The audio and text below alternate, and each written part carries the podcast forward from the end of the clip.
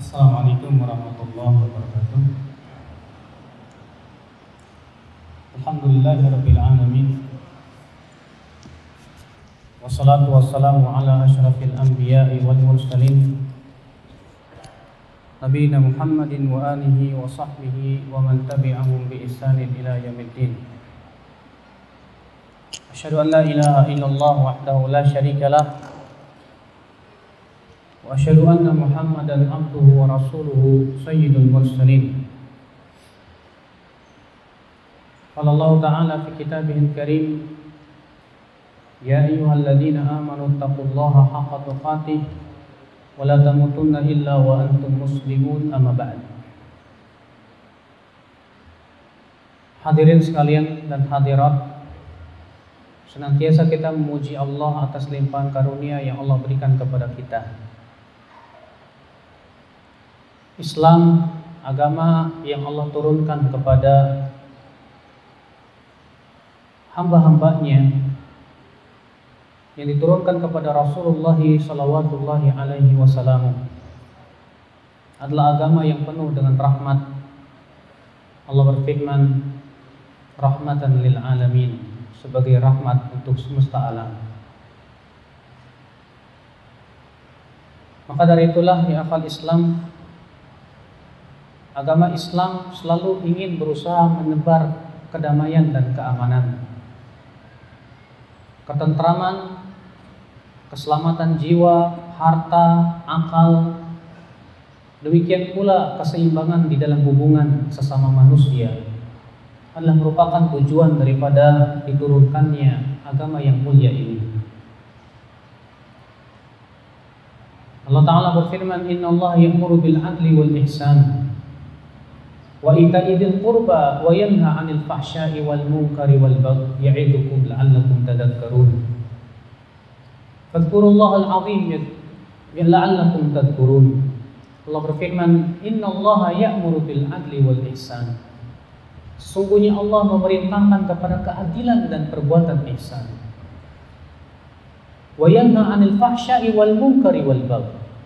Dan Allah melarang dari perbuatan keji mungkar dan perbuatan zalim. Ya'idukum la'allakum tadhakkarun dan Allah memberikan peringatan kalian agar kalian ingat kata Allah. Dalam ayat ini Allah mengatakan sesungguhnya Allah memerintahkan kalian kepada setiap perbuatan adil dan perbuatan ihsan. Maka semua perbuatan ihsan, kebaikan, perbuatan yang sifatnya itu memperbaiki manusia, kehidupan mereka, itu diperintahkan oleh Allah Subhanahu wa taala. Wa yanha 'anil fahsya wal munkari wal bagh. Dan Allah memelarang dari perbuatan fahsya, perbuatan keji dan kemungkaran, demikian pula bagh yaitu kezaliman, semua bentuk-bentuknya dilarang oleh Allah Subhanahu wa taala. Makanya akal Islam ma'azakumullah Islam selalu berusaha membawa kedamaian dalam ucapan yang kita ucapkan saja ketika kita ucapkan bertemu dengan sesama muslim. Apa yang kita ucapkan? Assalamualaikum. Assalamualaikum. Keselamatan untuk kalian. Kedamaian untuk kalian. Ketentraman untuk kalian. Ucapan yang setiap hari kita ucapkan saja menunjukkan akan bahwa Islam itu cinta akan kedamaian. Islam sangat menghormati hak asasi manusia, bahkan bukan hanya hak asasi manusia, hewan pun dihormati oleh oleh, Islam. Sebutkan dalam hadis bahwa Rasulullah SAW masuk ke sebuah taman atau kebun. Lalu Rasulullah bertemu dengan seekor unta. Lalu unta ini rupanya mengadu kepada Rasulullah dan Rasulullah paham bahasa unta. Kemudian Rasul bersabda man rabbul ibil. Siapa pemilik unta ini? Seorang pemuda berkata, "Aku wahai Rasulullah." Kata Rasulullah, "Ittaqillah." Bertakwalah kamu kepada Allah terhadap binatang unta yang tidak bisa bicara ini. Karena ia mengadukan tadi kepadaku bahwa engkau suka memukulinya dan memberikan beban berat kepadanya. Kalau terhadap binatang saja Islam sangat menghormati, bagaimana terhadap manusia? Maka Islam lebih menghormati mereka, menghormati darah mereka, menghormati kedudukan mereka, harta mereka, jiwa mereka. Bahkan Rasulullah SAW bersabda terhadap ya orang-orang yang berani membunuh orang-orang yang non muslim yang mengadakan perdamaian dengan kaum muslimin Beliau bersabda, "Man qatala mu'ahadan lam lam yarah raihatal jannah." Siapa yang membunuh seorang yang non muslim yang mengadakan perdamaian dengan kaum muslimin, maka ia tidak akan mencium bau surga. Dia tidak akan mencium bau surga. Lihatlah Rasulullah SAW ketika tinggal di kota Madinah. Bagaimana beliau menghormati tetangga beliau dari orang-orang Yahudi pada waktu itu. Selalu Rasulullah SAW yang menganjurkan perbuatan baik. Bahkan Allah Ta'ala berfirman dalam surat Al-Mumtahanah. La yanhakumullah anil ladina lam yuqatilukum fid din wa lam yukhrijukum min diyarikum an tabarruhum wa tuqsitu ilaihim. Innallaha yuhibbul muqsitin. Allah tidak melarang kalian Allah tidak melarang kalian terhadap orang-orang non-muslim yang tidak memerangi kalian dan tidak mengusir kalian dari negeri-negeri kalian. Untuk kalian berbuat baik kepada mereka dan berbuat adil kepada mereka. Inna Allah yuhibbul muqsitin. Sesungguhnya Allah cinta kepada orang-orang yang berbuat adil. Allah mengatakan selama mereka tidak mengusir kita, selama mereka tidak menyakiti kita, kita pun tetap disuruh untuk berbuat baik kepada mereka. Kita pun tetap disuruh untuk berbuat adil kepada mereka ya akal Islam azakumullah. Maka dari itu ya akal Islam azakumullah, Islam begitu sangat semangat memberikan kedamaian untuk kehidupan manusia.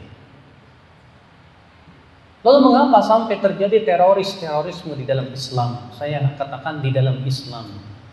Adapun di luar Islam itu bukan pembahasan saya. Kenapa? Karena di zaman ini kita lihat terkadang pertama sikap-sikap arogansi, demikian pula radikalis, demikian pula teroris yang selalu dinisbatkan kepada Islam. Yang kedua, tidak menutup kemungkinan akan adanya orang-orang yang punya pemikiran seperti itu. Inilah yang harus kita pahamkan kepada umat Islam tentang hakikat Islam itu sendiri. Ikhwatul Islam azakumullah. Islam sangat membenci terorisme. Dan Islam sangat menganjurkan kepada kedamaian dan ketentraman. Allah berfirman, "Innama jazaa'ul ladzina yuharibuna Allah wa rasulahu ويسعون في الأرض فسادا أن يقتلوا أو يصلبوا أو أو تقطع أيديهم وأرجلهم من خلاف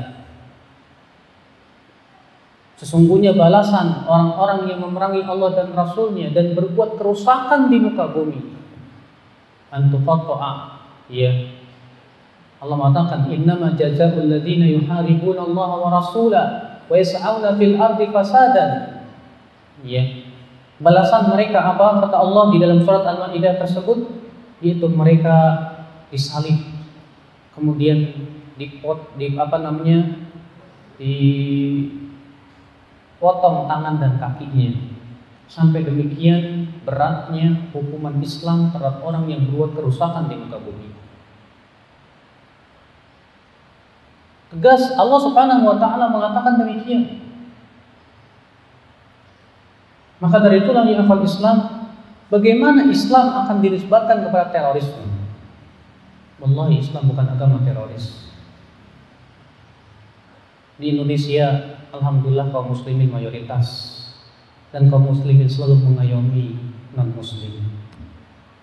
Dari dulu Alhamdulillah, ketika kaum muslimin mayoritas di negeri mana saja ketika kaum muslimin mayoritas selalu mereka yang mengayomi selain agama mereka. Lihat, bahkan bukan hanya di negeri kita, di negeri-negeri yang lainnya. ketika kaum muslimin mayoritas selalu mereka menghormati agama-agama yang lainnya. Mereka orang yang paling tahu bagaimana menghormati agama. Ikhwatul Islam, azakumullah. Lalu mengapa sampai timbul pemikiran teroris dalam Islam? Pastilah sebab utamanya yang pertama adalah al-jahlu, ketidakpahaman tentang makna daripada yang diinginkan oleh Islam. Ketika orang tidak paham apa yang diinginkan oleh Islam, apa yang diinginkan oleh Allah dan Rasulnya, berupa menjaga darah, harta, dan demikian demikian pula menciptakan keamanan. Ketidakpahaman terhadap agama Islam itu sendiri akan mengakibatkan akibatnya apa? Seakan-akan menganggap Islam itu agama pedang, agama kekerasan, Bahkan sebagian pemuda yang begitu semangat yang memperjuangkan Islam menganggap sikap kelemah lembutan itu katanya sikap yang sifatnya apa namanya tidak gentle ataupun yang lainnya.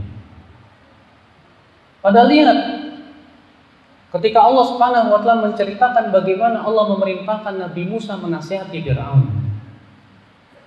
Allah berfirman, "Idhaba ila fir'auna innahu tagha."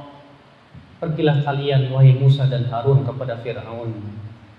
Sesungguhnya Fir'aun itu togo melampaui batas. Faqula lahu qawlan layyina dan ucapkan kepada Fir'aun ucapan yang lemah lembut. La'allahu yatadakkaru aw yakhsha. Mudah-mudahan Fir'aun mau ingat atau takut. Itu dalam surat Toha Allah sengaja menghikayatkan bagaimana Allah Subhanahu wa taala memerintahkan Nabi Musa dan Nabi Harun untuk menasihati Firaun dan Firaun pada waktu itu mengaku dirinya Tuhan. Sebagaimana Allah menyebutkan dalam surat An-Nazi'ah di mana Firaun berkata ana rabbukumul a'la. Akulah Tuhan kalian yang paling tinggi. Tapi ternyata tetap Allah Subhanahu wa taala memerintahkan Nabi Musa dan Nabi Harun berlemah lembut kepada Fir'aun. Ikhwatul iman, a'azakumullah. Lihat bagaimana Allah memanggil orang-orang Yahudi. Bagaimana lembutnya Allah memanggil orang Yahudi dalam Al-Quran. Allah mengatakan, Ya Bani Israel. Mungkin yang sering baca Al-Quran akan sering membaca itu. Ya Bani Israel. Artinya apa? Wahai anak-anak Israel. Siapa Israel? Israel itu Nabi Yakub alaihissalatu wassalam. Coba kalau Bapak saya panggil wahai anak bangsawan, rasanya gimana? Saya yakin Bapak tersanjung. Begitu lembut sentuhan Al-Quran Sampai-sampai memanggil orang Yahudi saja dengan ucapan Ya Bani Israel Wahai anak-anak Israel Luar biasa. Maka itulah Rasulullah SAW bersabda Arifku la yakunu syai' fi, fi syai'in illa zanahu. Kelemah lembutan itu tidaklah ada pada sesuatu Kecuali pasti akan menghiasinya wala min syai'in dan tidaklah dicabut dari sesuatu kecuali akan merusaknya. Mungkin Bapak pernah mendengar kisah ketika Rasulullah waktu itu melewat kepada beliau orang Yahudi. Orang Yahudi lewat kepada Rasulullah apa yang diucapkan oleh orang Yahudi ini? Kata orang Yahudi ini, Assam alaika ya Muhammad. Bukan assalam, tapi Asam. Artinya apa asam? Kebinasaan, kematian atasmu, wahai Muhammad. Maka Rasulullah hanya menjawab wa alaihi. Lewat lagi orang Yahudi dan berkata asam alaika ya Muhammad. Maka Rasulullah menjawab wa alaihi. Lewat lagi orang Yahudi berkata asam alaika ya Muhammad. Maka Rasul bersabda wa alaih. Rupanya Aisyah mendengar perkataan itu sudah tidak sabar lagi, Pak. Maka Aisyah menjawab dan berkata, "Wa'alaikumussalam ya abna al-qirada wal khanazir." Atas kalian kebinasaan wahai anak-anaknya kerak dan babi. Kesal siapa? Orang yang tidak kesal Nabi kita di dicaci maki. Rasulullah apa Aisyah ini kesal. Rasulullah didoakan kebinasaan oleh orang Yahudi. Tapi apa kata Rasul kepada Aisyah? Mahlan ya Aisyah. Pelan-pelan Aisyah, jangan begitu. Kata Aisyah, hai Rasulullah, apakah engkau tidak mendengar apa yang diucapkan oleh mereka kepada engkau? Mereka mengucapkan assam alaik. Kata Rasulullah, bukankah aku sudah menjawabnya wa alaik? Ya Aisyah, Inna rafiqun yuhibbur rifq. Sesungguhnya Allah itu lembut dan cinta kelembutan ya Aisyah. Subhanallah, akhlak yang ditanamkan oleh Rasulullah kepada umatnya untuk bersikap lemah lembut walaupun kepada orang Yahudi sekalipun juga. Pernahkah kita mendengar Rasulullah SAW melaknat dan mengatakan orang Yahudi ya dengan kata-kata yang keras, pedas, dan yang lainnya ternyata tidak pernah. Bahkan suatu ketika ada orang Yahudi yang pura-pura bersin di sisi Rasulullah. Aci. Apa tujuannya orang Yahudi itu? Dia ingin mendapatkan doanya Rasulullah yarhamukallah. Tapi ternyata Rasulullah mendoakan yahdikumullah. Semoga Allah memberikan hidayah kepada kamu. Subhanallah, ya Islam, azakumullah.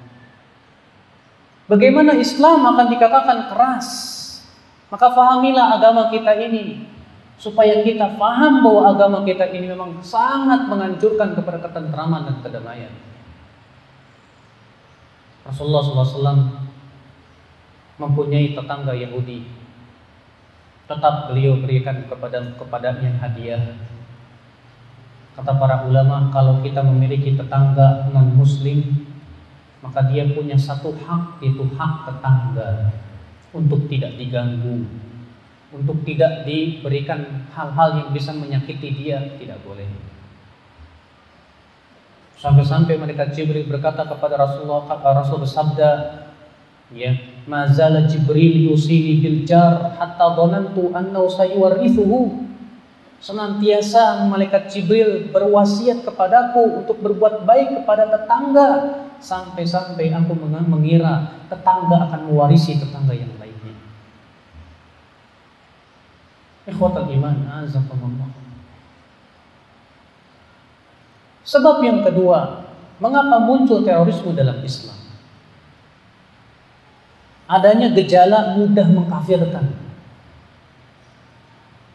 Mengapa saya katakan mudah mengkafirkan itu merupakan sebab munculnya terorisme, Pak? Karena konsekuensi mengkafirkan itu artinya menghalalkan darah, menghalalkan harta. Dahulu di awal-awal Islam pemikiran ini sudah muncul. Pemikiran ini disebut dengan oleh para ulama dengan istilah pemikiran Khawarij. Mereka menghalalkan darah Ali bin Abi Thalib, menghalalkan darah Muawiyah, dan menghalalkan darah para pengikutnya Bahkan mereka tak segan membunuhi setiap muslim yang tidak setuju dengan mereka. Dan mirip gerakan mereka itu di zaman sekarang dengan ISIS.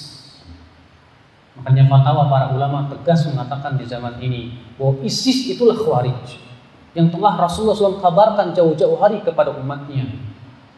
Di mana Rasulullah mengatakan yaqtuluna ahlal Islam wa yad'una ahlal authan. Mereka sukanya membunuh orang Islam Memang betul yang dibunuh oleh mereka orang Islam. Wa yad'una ahlal awthan. Rasul sabda yaquluna min qawli khairil bariyah. Mereka membawakan hadis-hadis Rasulullah. Orang ISIS juga sama, Pak. Suruh berdalil tapi kemudian dipelintir, kemudian diletakkan bukan pada tempatnya untuk menghalalkan darah muslim. Dan satu riwayat yang lain Rasulullah sabda yaqra'una al-Qur'an la yujawizu taraqiyahum mereka membaca Al-Quran, menghafal Al-Quran, tapi tidak sampai ke kerongkongan mereka. Ketika orang Khawarij itu muncul, Mereka mengkafirkan Ali bin Abi Thalib. Bahkan menghalalkan darah Ali bin Abi Thalib. Demikian pula kaum muslimin yang mengikuti Ali bin Abi Thalib. Hal itu terjadi pada waktu itu terjadi perang antara pasukan Muawiyah dan pasukan Ali dalam perang Siffin. Yang kemudian terjadilah perdamaian di mana Ali menyerahkan kepada Abu Musa al-Ash'ari dan Muawiyah menyerahkan kepada Amr bin al-As. Yang terjadilah perdamaian. Namun kemudian orang-orang yang dangkal pemahamannya ini memisahkan diri dan mengatakan, "Oh, Ali menyerahkan hukum kepada manusia." Berarti Ali tidak mau berhukum hukum Allah. Sedangkan Allah mengatakan dalam Al-Quran katanya, "Wa man lam yahkum bima anzalallahu fa ulaika kafirun." Siapa yang tidak berhukum dengan hukum Allah maka dia kafir. Oh berarti Ali kafir ini. Padahal penafsiran para sahabat tidak demikian. Ibnu Abbas ketika menafsirkan wa man lam yahkum bima anzalallahu fa ulaika humul kafirun. Kata Ibnu Abbas, "Laisal kufru huna kama yafhamun." Bukanlah kekafiran dalam ayat ini maksudnya seperti yang dipahami oleh orang-orang Khawarij itu. Wa innamal kufru alladzi la yanqulu 'anil millah. Tapi kekufuran yang tidak mengeluarkan pelakunya dari millatul Islam. Kufrun duna kufrin, tapi ya kufur di bawah kekufuran kata Ibnu Abbas. Ikhwatul Islam azakumullah. Tapi orang ini, mereka ini orang-orang Khawarij tidak menerima pendapat Ibnu Abbas, tidak pula menerima dan mendengar perkataan para sahabat mereka tetap kekeh mengkafirkan Ali. Yang akhirnya pun Ali pun bermusyawarah dengan para sahabatnya. Kemudian sepakatlah semuanya untuk memerangi orang Khawarij. Karena ini juga berdasarkan titah Rasulullah Sallallahu Alaihi Wasallam. Akhirnya diperangi oleh Ali bin Abi Thalib. Kenapa? Karena mereka berbuat kerusakan di muka bumi, berbuat keonaran di muka bumi. Ikhwatul iman, azakumullah. Inilah benih-benih pengkafiran yang telah muncul di awal Islam. Ketika benih-benih itu pun telah muncul dan Rasulullah Subhanallah ya mengabarkan bahwa pemikiran Khawarij ini akan terus muncul. Dalam riwayat yang dalam sebuah riwayat yang sahih ya kata Rasulullah, "Kullama kharaja qarnun quti, kullama kharaja qarnun quti, kullama kharaja qarnun quti." Setiap kali di satu generasi muncul ditebas setiap kali setiap generasi muncul ditebas. Kata Ibnu Umar, Rasulullah ucapkan itu sekitar 20 kali. Nanti akan terus muncul dari setiap generasi ke generasi. Tapi alhamdulillah kata Rasulullah, setiap kali muncul akan ditebas lagi. Sampai kata Rasulullah generasi akhir mereka keluar bersama Dajjal. Ikhwatul iman, azakumullah.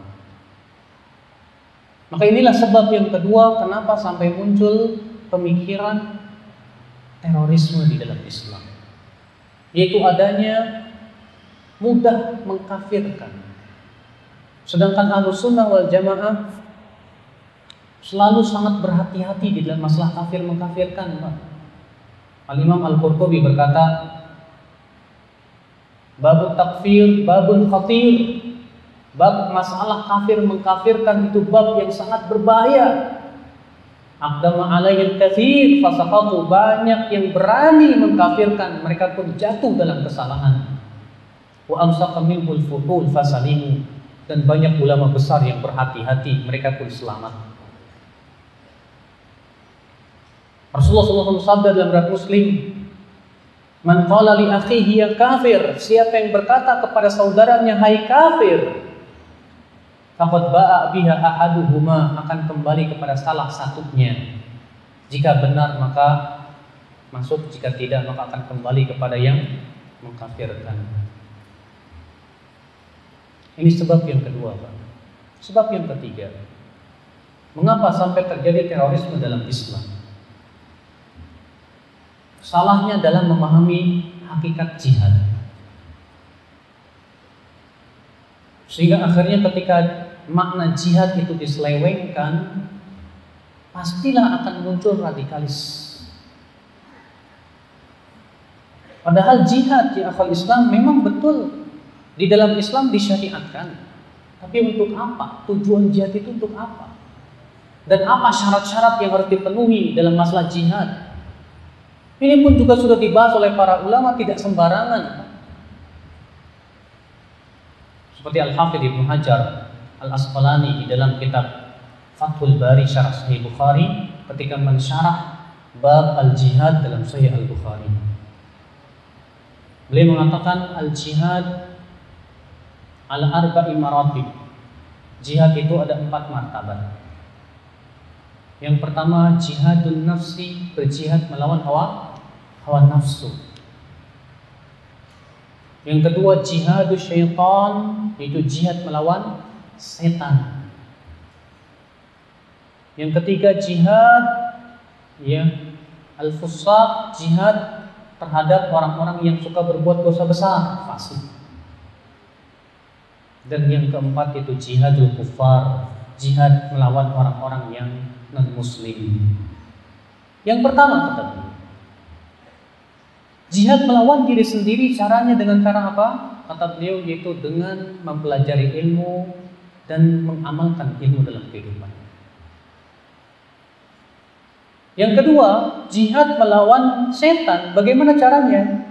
Itu dengan mempelajari khutwatu syaitan, yaitu langkah-langkah syaitan. Jihad melawan orang-orang terhadap orang-orang yang berbuat dosa besar. Bagaimana caranya? Dengan mendakwahi mereka, mengajak mereka supaya mereka kembali kepada Allah Subhanahu wa taala. Adapun jihad melawan orang-orang non muslim, maka kata para ulama non muslim itu ada ya ada dua macam. Ada mus, non muslim yang memerangi kaum muslimin dan mengusir mereka dari negeri-negeri mereka maka pada waktu itu kaum muslimun tidak tidak, bisa tinggal diam. Masa kita diserang, disuruh, diusir, dibunuhi, kita diam? Tidak mungkin, Pak. Kita kaum muslimin pun punya harga diri. Kalau sampai orang-orang kafir kemudian membunuhi kita, memerangi kita, dan kita mampu untuk melawan, ya terpaksa kita lawan. Gimana lagi? Itu yang diizinkan oleh Allah Subhanahu Yang kedua yaitu kafir bukan harbi. Kalau yang pertama disebut dengan kafir harbi. Yang kedua kafir yang bukan harbi dan ini ada beberapa macam. Ya, di antaranya kafir musta'man, orang kafir yang berada di bawah lindungan negeri. Orang kafir yang mengadakan perdamaian dengan kaum muslimin. Orang kafir yang disebut dengan dimmi. Semua ini harus dilindungi. Semua ini harus dilindungi. Bahkan Rasulullah SAW sudah saya sebutkan tadi hadisnya. Man qatala mu'ahadan lam yarah rahihatal jannah. Siapa yang membunuh orang kafir yang berdamai dengan kaum muslimin, maka ia tidak akan mencium bau bau surga. Tapi ketika mafhum jihad itu ditujukan kepada setiap kafir, hancur Islam ya, Islam. Pemahaman yang sangat rancu tentunya. Makanya ya akhi azakumullah seperti halnya di Indonesia telah disampaikan oleh Bapak tadi. Di Indonesia diakui lima agama. Islam, ya, Hindu, Buddha, kemudian apa?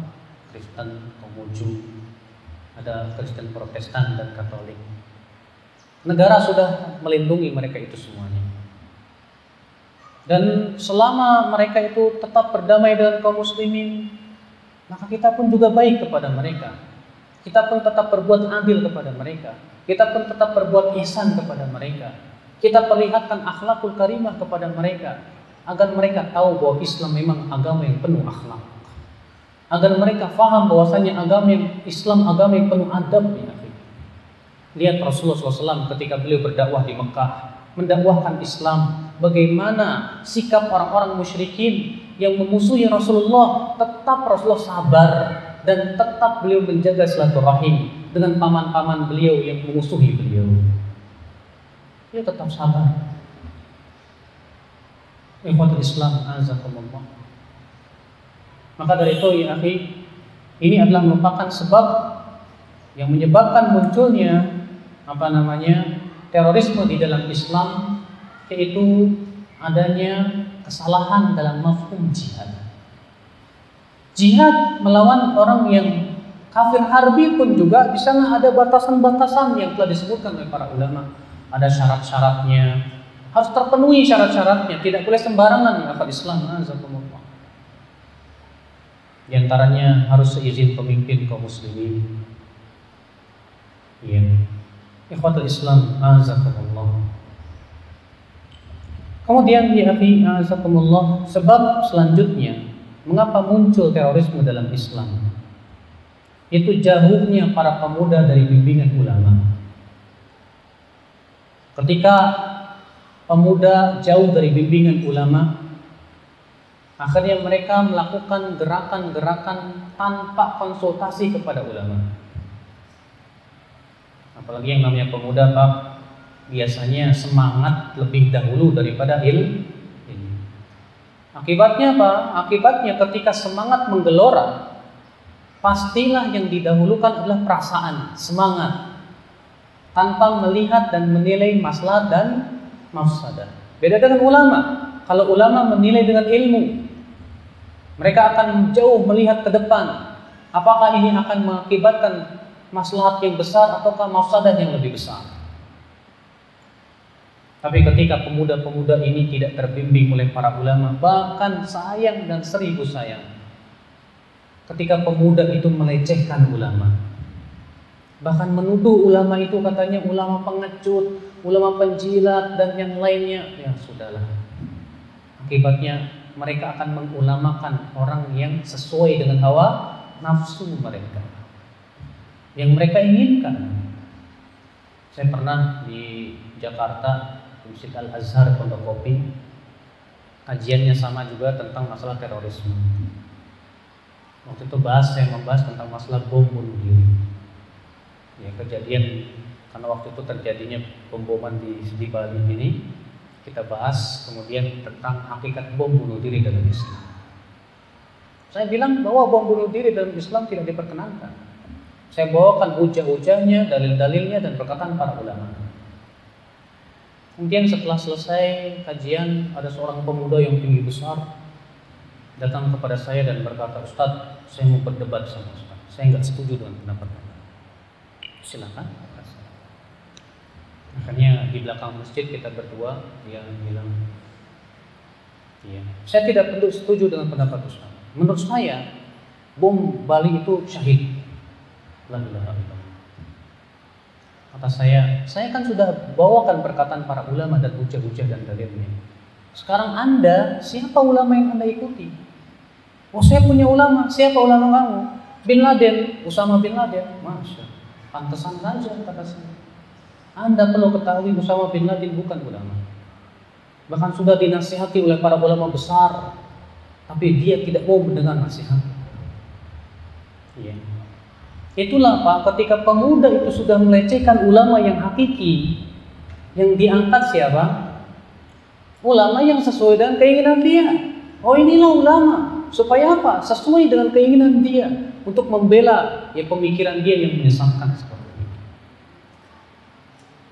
Makanya ya akhi azakumullah, para pemuda ini yang harus betul-betul terbimbing oleh para ulama supaya mereka faham bagaimana bergerak, bagaimana bersikap, bagaimana memahami Al-Qur'an dan hadis Nabi sallallahu supaya tidak salah. Ikhwatul iman azakumullah. Karena apa? Sebatas semangat dan semangat itu sangat berbahaya dalam Islam. Kata para ulama, al-awatif al awasif sebatas semangat saja itu sama dengan angin ribut yang akan bisa menghancurkan, merusak. Maka dari itulah yang akan Islam azakumullah. Peranan para ulama di dalam membimbing para pemuda Demikian pula peranan para ulama dalam membimbing umat Islam secara keseluruhan ini sangat dibutuhkan sekali agar mereka memahami tentang hakikat bagaimana agama ini agar mereka meluruskan tentang pemahaman terhadap Al-Quran dan hadis Nabi Shallallahu Alaihi Wasallam banyak orang berhujah dengan Al-Quran berhujah dengan hadis tapi ternyata apa yang terjadi pemahamannya dibawa kepada pemahaman mereka makanya dalam hadis yang diriwayatkan Abu Daud ketika Rasulullah mengabarkan akan munculnya pemikiran Khawarij, apa kata Rasulullah? Yaqra'unal Qur'an, mereka membaca Al-Qur'an, yahsabuna annahu lahum wa huwa alaihim. Mereka mengira Al-Qur'an mendukung pendapat mereka. Padahal kata Rasulullah Al-Qur'an tidak mendukungnya. Kenapa sampai demikian, Pak? Karena memahami dengan pemahaman mereka, tidak mau merujuk pemahaman para ulama. Kaum Khawarij yang muncul di zaman sahabat, kenapa mereka tersesat memahami Al-Qur'an, Pak? Karena mereka tidak mau mengikuti bimbingan para ulama sahabat. Tidak mau. Bahkan mereka melecehkan para ulama sahabat. Itulah akibatnya akhirnya yang terjadi adalah pemuda-pemuda tersebut tidak terbimbing. Pemuda-pemuda tersebut kemudian melakukan gerakan-gerakan yang merugikan Islam. Cobalah ya akal Islam, saya waktu tanya lagi kepada dia. Setelah pemboman yang ada di Indonesia, hasilnya apa sih? Apakah dengan adanya pemboman itu orang berbondong-bondong masuk Islam? Tidak. Apakah dengan adanya pemboman seperti itu, ya, kemudian orang banyak yang tertunjuki kepada jalan yang benar? Tidak juga. Bahkan Islam semakin dicap teroris. Bahkan yang menjadi yang yang rugi Islam itu sendiri ya akal Islam azakumullah. Makanya ya akhi azakumullah. Inilah kenyataan yang ada ya akhi.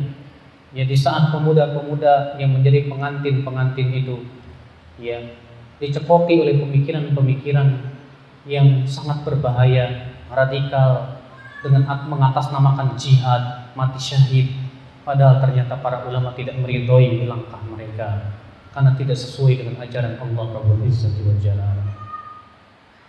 Ikhwatul Islam, azakumullah. Maka dari itulah ya akhi, apa solusi-solusi yang bisa kita lakukan untuk menghadapi gerakan ataupun pemikiran-pemikiran radikalis ini? Yang pertama adalah berusaha untuk mengoptimalkan peran para ulama juga. Memberikan penyuluhan-penyuluhan, mengadakan pendekatan kepada para pemuda-pemuda yang begitu semangat di dalam membela Islam agar mereka memahami tentang hakikat Islam. Alhamdulillah ya, kalau badan BNPT itu sudah beberapa kali mengundang seorang ulama dari Yordan yang bernama Syekh Ali Hasan Al Halabi yang di mana itu adalah atas dasar usulan daripada saudara-saudara kita juga untuk bisa mendatangkan ulama memahamkan kepada pemuda-pemuda di Indonesia yang begitu semangat untuk berjihad tapi salah dalam pemahaman jihadnya. Alhamdulillah walaupun memang ada hasil-hasil yang diharapkan banyak yang kemudian mereka rujuk kepada kebenaran setelah dijelaskan oleh ya Syekh Ali Hasan Al Halabi Al Azhari itu ya tentang hakikat jihad, tentang hakikat kafir mengkafirkan. Alhamdulillah. Dan memang memang ini sangat penting sekali untuk kemudian dilanjutkan memberikan mafhum yang benar tentang apa itu jihad dan bagaimana kafir mengkafirkan, apa itu Islam dan bagaimana ya menuntut ilmu Allah Subhanahu wa. Kemudian yang kedua yang akan Islam azakumullah yang perlu kita lakukan adalah ya agar pemikiran terorisme itu tidak muncul di dalam tubuh umat Islam. Yaitu untuk semakin memberikan pencerahan ilmu kepada mereka. Saya sudah sebutkan tadi sebab utama kaum muslimin jatuh kepada pemikiran terorisme itu akibat daripada kebodohan mereka terhadap agama Islam. Maka dari itulah semakin kita harus menggencar menyebarkan ilmu Islam yang benar. Kita bekerja sama dengan para ulama, dengan aparat dan yang lainnya ya untuk menjelaskan kepada mereka tentang hakikat pemahaman ayat Al-Quran yang benar, yang sesuai dengan dipahami oleh Rasul dan para sahabatnya dan para ulama dari zaman ke zaman. Kita kembalikan penafsiran-penafsiran tentang ayat-ayat yang mutasyabih kepada ayat-ayat muhkam sesuai yang dipahami oleh para ulama dalam kitab-kitab mereka. Alhamdulillah, ya saya sendiri sudah yang pernah mengisi kajian di Kapolda Lampung, di beberapa juga Polres, jadi daerah Jawa Tengah, Jawa Timur, untuk membantu aparat memahamkan kepada kaum muslimin tentang hakikat Islam bahwa Islam bukan agama teroris, bahwasanya Islam justru sangat menganjurkan kepada perdamaian dan kedamaian.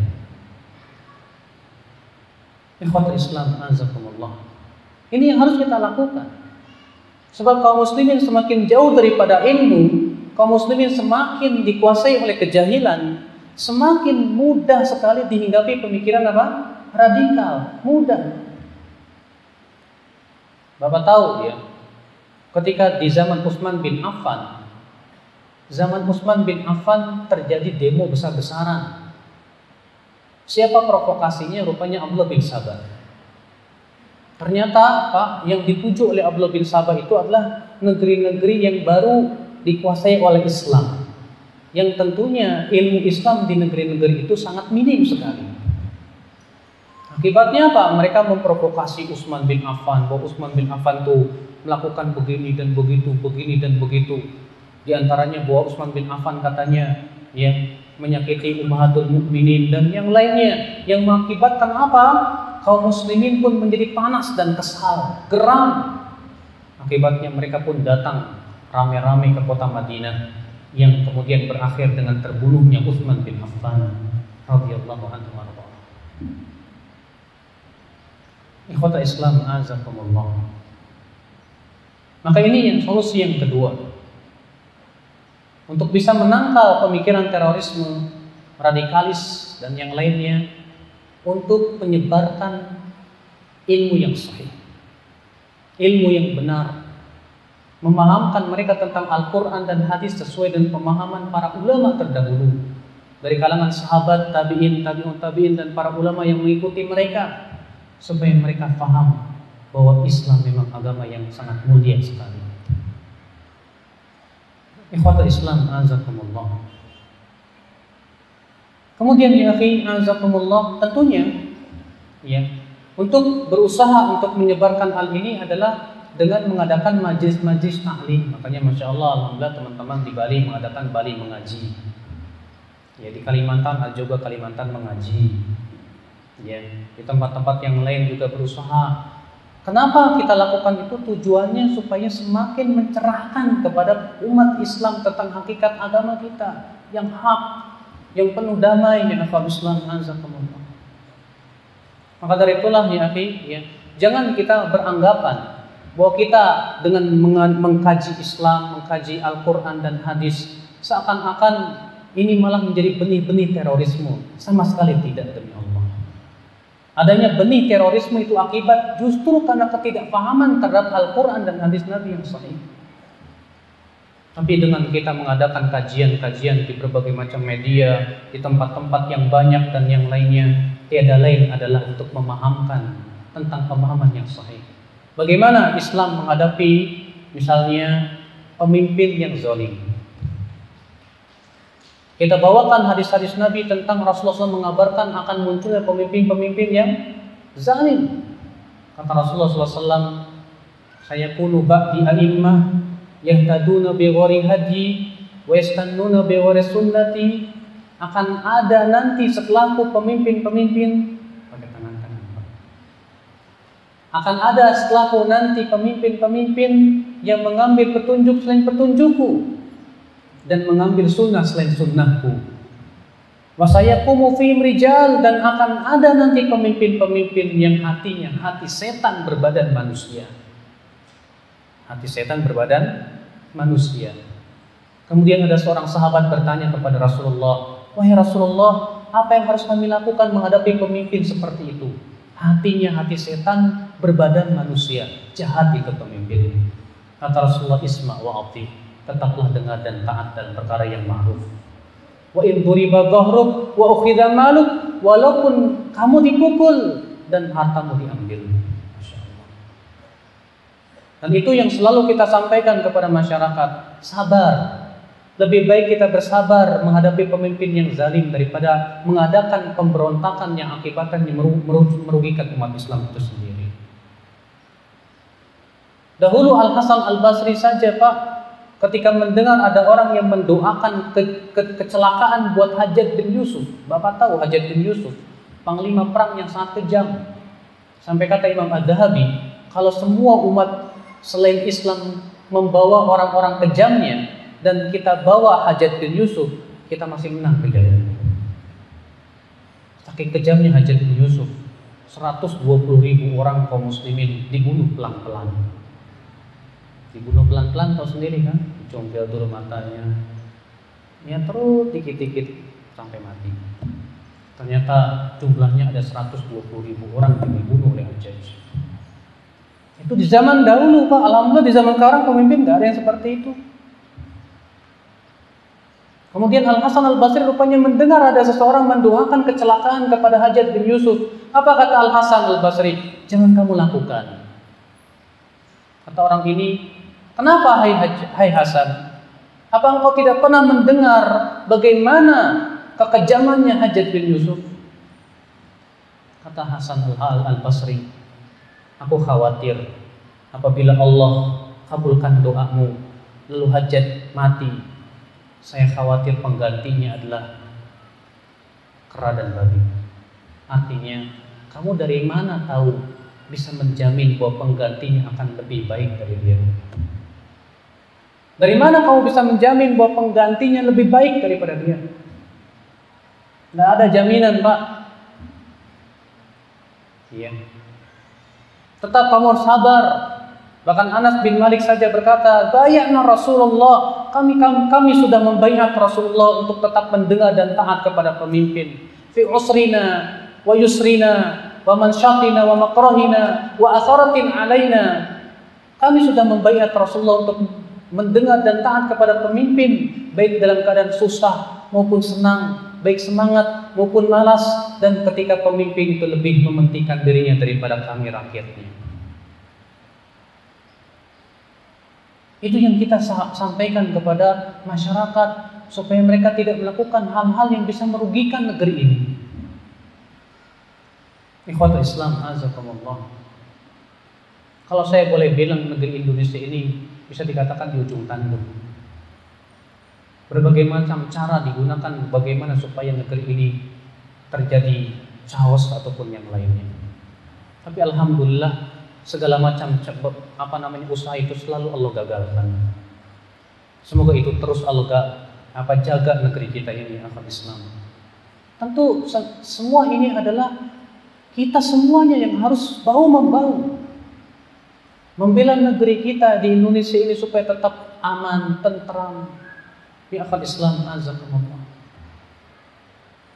Maka kita sampaikan kepada mereka tentang hadis-hadis Nabi Shallallahu Alaihi Wasallam yang mewajibkan kita untuk taat dan mendengar kepada pemimpin dalam perkara yang ma'ruf dan agar kita sabar terhadap kezaliman mereka dan bahwasanya sabar terhadap kezaliman pemimpin itu hakikatnya itu akan membawa keberkahan untuk umat Islam itu sendiri. Tapi ketika kita tidak sabar, kita pasti yang pertama kali menjadi incaran dan dihancurkan. Itu pasti dan pasti. Ikhwatul Islam, azakumullah. Demikian pula ya akhi, azakumullah. Di antara solusi yang bisa kita ambil dalam perkara hal ini adalah yaitu kita berusaha untuk senantiasa memahamkan tentang hakikat akhlak dalam Islam. Bahwa Islam itu sangat menghormati akhlak yang agung, yang mulia. Bukankah kata Aisyah radhiyallahu anha, "Kana khuluqul Qur'an" adalah Rasulullah SAW akhlaknya Al-Qur'an.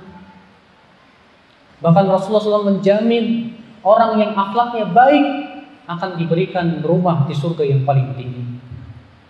Kata Rasul ana za'im bain bi baitin fi a'lal jannah liman hasuna khuluquhu. Aku menjamin dengan rumah yang berada di surga yang paling tinggi bagi siapa? Bagi orang yang baik akhlaknya. Orang yang baik akhlak. Bahkan Rasulullah bersabda, Inna rajul la yablughu manzilatas sa'im al-qa'im Sesungguhnya seseorang akan sampai kepada derajat orang yang suka sholat dan suka puasa bihusni bihusni khuluqi dengan baiknya akhlak dia. Subhanallah ya akhal Islam. Perlihatkanlah akhlak yang mulia ya akhi azakumullah. Kita tersenyum kepada manusia. Sebagaimana Rasulullah bersabda at-tabassum fi wajhi akhika sadaqah. Tersenyum di wajah saudaramu itu sedekah hanya sebatas senyum saja itu manfaatnya besar lah. Akhlak Islam yang ditanamkan oleh Rasulullah SAW berupa akhlak ini. Atabastum, tersenyum di wajah saudaramu. Kita terkadang menganggap masalah masalah remeh masalah senyum ini. Padahal kalau kita perhatikan pengaruh senyum itu dahsyat. Pertama, kalau kita senyum di hadapan saudara kita, setidaknya membuat hati dia gembira. Sedangkan memasukkan kegembiraan pada hati seorang muslim itu amalan yang utama. Kata Rasulullah wa wa wa habul a'mali ilallah sururun tudkhilu fi qalbi muslim. Amalan yang paling dicintai oleh Allah kegembiraan yang kamu masukkan ke hati seorang muslim. Ketika kita tersenyum ya akhi. Senyum itu hakikatnya apa? Ya. Akrab Demikian pula senyum itu yang akan Islam azakumullah menjadikan kita dekat dengan manusia. Sedangkan kalau kita tidak senyum akan terjadi kesenjangan. Sementara ketika Rasulullah menyebutkan tentang ciri penduduk surga apa kata Rasulullah? Inna Allah haram ala nar ala kulli hayyinin layyinin sahlim qarib. Sesungguhnya Allah mengharamkan atas api neraka atas setiap orang yang lemah yang lemah lembut, tawadu, tidak sombong. Demikian pula mudah dan ia dekat dengan manusia. Subhanallah ya Islam azakumullah. Akhlak ya akhi kita tanamkan kepada jiwa-jiwa kaum muslimin. Atau terhadap orang-orang non muslim, ya kita berakhlak. Kita berbuat baik kepada mereka. Kita berbuat ihsan kepada mereka. Kita perhatikan orang-orang fakir miskin.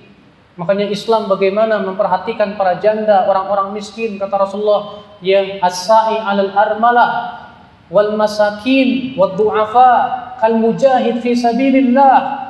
Orang yang memperhatikan para janda, orang-orang miskin dan lemah itu sama pahalanya dengan berjihad di jalan Allah dan sama dengan orang yang senantiasa berpuasa dan sholat malam setiap hari. Ikhwatul Islam azakumullah. Betapa butuhnya di zaman ini Pak kepada akhlak yang mulia. Agar kaum muslimin atau orang-orang yang non muslim melihat bahwa Islam adalah agama yang penuh akhlak. Cobalah dengar hadis Rasulullah SAW ketika Rasulullah SAW mengabarkan akan munculnya zaman fitnah. Ternyata solusi yang Rasulullah sebutkan dalam zaman fitnah itu adalah berakhlak mulia.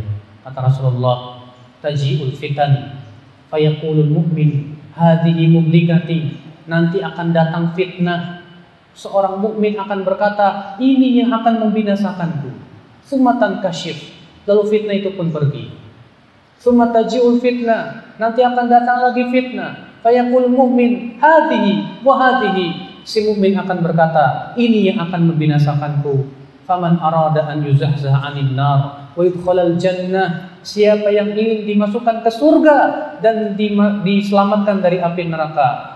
Fal wa huwa yu'minu billahi wal yawmil akhir. Maka hendaklah kematian mendatangi dia dalam keadaan ia beriman kepada Allah dan hari akhirat. Wal ya'ti nas bima yuhibbu an yu'ta ilaih dan hendaklah ia datang kepada manusia, mendatangi manusia sebagaimana ia suka untuk didatangi dengannya. Lihat. Justru di saat zaman yang penuh fitnah yang Rasulullah kabarkan nanti di akhir zaman, Rasulullah mengatakan apa? Hendaklah ia mempergauli manusia sebagaimana ia suka untuk dipergauli dengannya. Antum suka enggak orang lain senyum sama antum? antum pun harus senyum sama dia. Antum suka tidak orang lain bersikap sopan santun sama antum? Sama kita semua. Kalau kita suka, kita pun bersikap sopan santun kepada mereka. Kalian suka tidak kalau orang lain itu selalu berbuat kebaikan kepada kita? Kita pun harus selalu berbuat kebaikan kepada mereka. Itu yang Rasulullah berikan solusi di zaman fitnah ternyata. Wal ya'ti ilan nas bima yuhibbu an yu'ta ilaih. Hendaklah ia mendatangi manusia, menyikapi manusia sebagaimana ia suka untuk disikapi dengannya. Subhanallah. Bimbingan yang agung dari Rasulullah sallallahu alaihi wasallam ya akhal Islam azakumullah. Akhal Islam azakumullah. Kemudian ya akhi untuk menangkal sikap terorisme dan radikalisme ini. Kita perlu untuk menyebarkan pemahaman para sahabat, para tabi'in dalam memahami ayat-ayat Al-Quran dan hadis. Karena ini adalah merupakan perkara yang sangat penting, akhir. Karena pemimpin, ketika Al-Quran dan hadis dipahami bukan pada tempatnya, saya yakin Al-Quran dan hadis malah menyesatkan manusia. Antum tahu ya ketika orang-orang Khawarij mengkafirkan kaum muslimin dahulu di zaman Ali bin Abi Thalib, mereka berdalil dengan Al-Qur'an. Berdalil. Mereka berdalil. Di zaman sekarang pun juga ya, orang-orang yang berusaha untuk apa namanya menghalalkan darah kaum muslimin selalu berusaha untuk membawakan dalil dari Al-Qur'an dan hadis guna untuk membantu ataupun menjadikan Al-Quran dan hadis sebagai apa? Tameng mereka. Bukan sebagai sandaran, tapi sebagai tameng.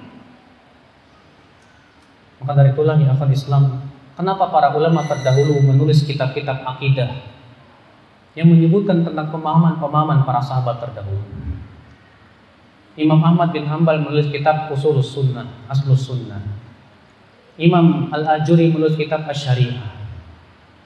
Al-Imam Ibnu Battah menulis kitab tentang masalah akidah juga. Demikian para para ulama dari zaman ke zaman selalu menulis kitab-kitab tentang keyakinan para sahabat. Gunanya adalah supaya apa? Memahamkan kepada umat tentang hakikat pemahaman yang benar. Sehingga pada waktu itu tidak melenceng daripada pemahaman para sahabat Rasulullah, para tabi'in dan tabi'un tabi'in. Apalagi Rasulullah jauh-jauh hari sudah mengabarkan umat Islam akan berpecah belah menjadi 73 golongan. Kemudian Rasulullah mengabarkan siapa yang selamat kata Rasulullah ma'ana alaihi wa ashabi yang aku dan para sahabatku ya di atasnya di hari ini. Berarti Rasulullah dan para sahabatnya ini yang harus kita jadikan patokan ya Islam azakumullah dalam memahami Al-Qur'an dan hadis Nabi sallallahu alaihi wasallam supaya tidak melenceng daripada pemahaman yang salah yang yang sahih. Ikhwata Islam azakumullah. Maka inilah ya akhi, azakumullah, yang jelas bahwasanya Islam adalah agama yang penuh dengan cinta damai. Islam bukan agama teroris dan kita buktikan bagaimana ajaran Islam. Pertama Islam menganjurkan kita untuk mengucapkan salam. Assalamualaikum. Salam sendiri sudah doa tentang keselamatan, kedamaian dan kesejahteraan. Yang kedua Islam sangat menghormati non muslim yang mereka itu hidup berdampingan dengan kaum muslimin selama tidak mengganggu mereka. Sudah saya sebutkan tadi ayatnya Allah taala berfirman la yanhakumullah 'anil ladzina lam yuqatilukum fid. Allah tidak melarang kamu untuk berbuat baik kepada orang-orang non muslim yang tidak mengusir kamu dan tidak membunuh kamu. Selama mereka tidak membunuh kita, tidak mengusir kita, kita tetap dianjurkan berbuat baik kepada mereka, berbuat adil kepada mereka, berbuat ihsan kepada mereka. Bukankah itu menunjukkan bahwa Islam sangat cinta damai? Yang ketiga yang akan Islam, ketika Rasulullah mengirim pasukan-pasukannya untuk berjihad di jalan Allah, ternyata yang Rasulullah nasihatkan kepada mereka apa? Jangan membunuh anak-anak, jangan membunuh wanita, jangan membunuh orang yang berlindung di dalam gereja-gereja dan vihara, ya. Demikian pula tidak boleh menebang pohon. Betul-betul dipelihara. Dengan tujuan jihad dalam Islam ternyata apa? Untuk menolak kezaliman. Untuk menegakkan keadilan. Makanya Bapak silakan baca sejarah ketika terjadi peperangan dalam Islam. Tidak ada satupun negeri kecuali di negeri itu sangat berharap untuk dikuasai oleh kaum muslimin. Kenapa? Karena mereka tahu Islam itu sangat cinta damai. Islam itu sangat cinta keadilan. Sangat memelihara kesejahteraan rakyatnya. Ikhwata Islam. Bukti yang keempat, Islam sangat menganjurkan akhlakul karimah. Akhlak yang sangat indah yang diajarkan oleh Allah dan Rasulnya. Bagaimana akhlak para pemimpin, akhlak kepada sesama manusia, akhlak kepada orang tua, akhlak kepada tetangga, akhlak kepada ya non muslim, semua sudah di sudah di apa namanya? sudah dianjurkan oleh Islam, sudah diatur dalam Islam. Makanya akhi azakumullah Demikian pula bagaimana kasih sayang Islam kepada manusia, kepada hewan, itu sendiri sudah menjadi sebuah saksi yang agung kepada kita ya akhir bahwasanya Islam adalah bukan agama teroris. Islam penuh rahmat lil alamin. Islam sangat menyayangi manusia, sangat cinta kepada kedamaian. Maka dari itulah pahamilah ini. Kemudian kita berusaha ya akhir Islam saling bahu membahu untuk memahamkan hakikat Islam ini kepada kaum muslimin. Dan kemudian senantiasa kita berusaha membantu pemimpin dan pemerintah kita di dalam memerangi pemikiran-pemikiran terorisme. Tentunya terorisme yang dimaksud di sini bukan terorisme yang apa namanya sebagian orang memahaminya. Terkadang ada orang memahami terorisme dengan pemahaman yang salah. Sebatas ada orang melihat jenggot, oh teroris sebatas orang melihat bercadar oh teroris ini namanya menuduh orang dengan tanpa bukti karena yang menganjurkan jenggot siapa? Rasulullah. Rasulullah berjenggot. Para nabi semua berjenggot. Yang menganjurkan bercadar siapa? Rasulullah juga. Bahkan pendiri NU ya Ki Haji Hashim Ash'ari sendiri mengatakan wajib cadar itu. Ya bahkan dalam uh, Muktamar NU yang kelima pun juga disebutkan tentang disyariatkannya cadar. Demikian pula ya, terkadang sebagian masyarakat karena ketika melihat yang melakukan eh, sikap-sikap uh, terorisme itu yang berjenggot, bercadar, akibatnya apa? Mereka menganggap pokoknya setiap yang bercadar, berjenggot, ya itulah teroris. Tentu kita tidak setuju dengan definisi teroris seperti itu. Kenapa? Karena konsekuensinya sama saja mengatakan Rasulullah teroris karena Rasul berjenggot. Iya. Kita tidak mau seperti itu. Bahkan para ulama semuanya rata berjenggot. Apakah berarti kita katakan mereka teroris? Tentu tidak. Makanya ya antum-antum yang berjenggot dituduh teroris ya sabar aja lah. Iya. Kalau antum misalnya lagi jalan ada orang ah ISIS ISIS Gak usah marah pak, kalau memang kita bukan bisnis ya biarin aja orang nuduh apa kayak ya terserah lah. Yang penting kita tidak melakukan perbuatan ISIS, kita pun juga tidak melakukan perbuatan teroris. Yang penting antum yang berjenggot melaksanakan sunnah Rasul, laksanakanlah. Kalau ada orang yang mencaci maki antum, insya Allah pahala buat antum. Iya. Kata Rasulullah SAW, ya, man ayyaraka siapa yang mencaci maki kamu, dengan aib yang ada pada diri kamu. Falatu ayyirhu, maka jangan kamu balas dengan mencaci maki dia dengan aib yang ada pada diri dia. Wadak wabalahu alaih, biarkan dosanya dia yang menanggung dan pahalanya buat kamu. Jadi antum-antum yang melaksanakan sunnah Rasul berjenggot, tapi antum alhamdulillah tidak pernah melakukan, tidak setuju dengan ISIS, teroris, jalanlah insya Allah kalau ada yang mencaci maki atau menuduh atau yang lain itu pahala buat Anda. Pahalanya semakin besar insya Allah.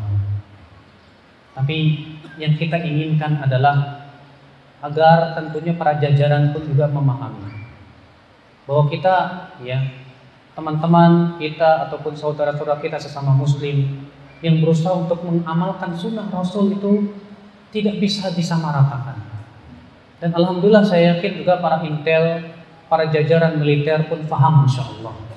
Ya. Siapa yang memang pemikirannya radikal, siapa yang hakikatnya teroris, siapa yang memang betul-betul tujuannya untuk mengamalkan sunnah Rasul Shallallahu Alaihi Wasallam. Ya. barangkali yang saya sampaikan bermanfaat. Mohon maaf bila ada kekurangan di dalam penyampaian dan uh, yang saya sampaikan ini tentunya sesuai dengan kemampuan ilmu saya. Wabillahi taufik wal hidayah. Assalamualaikum warahmatullahi wabarakatuh dan kita menuju tanya jawab.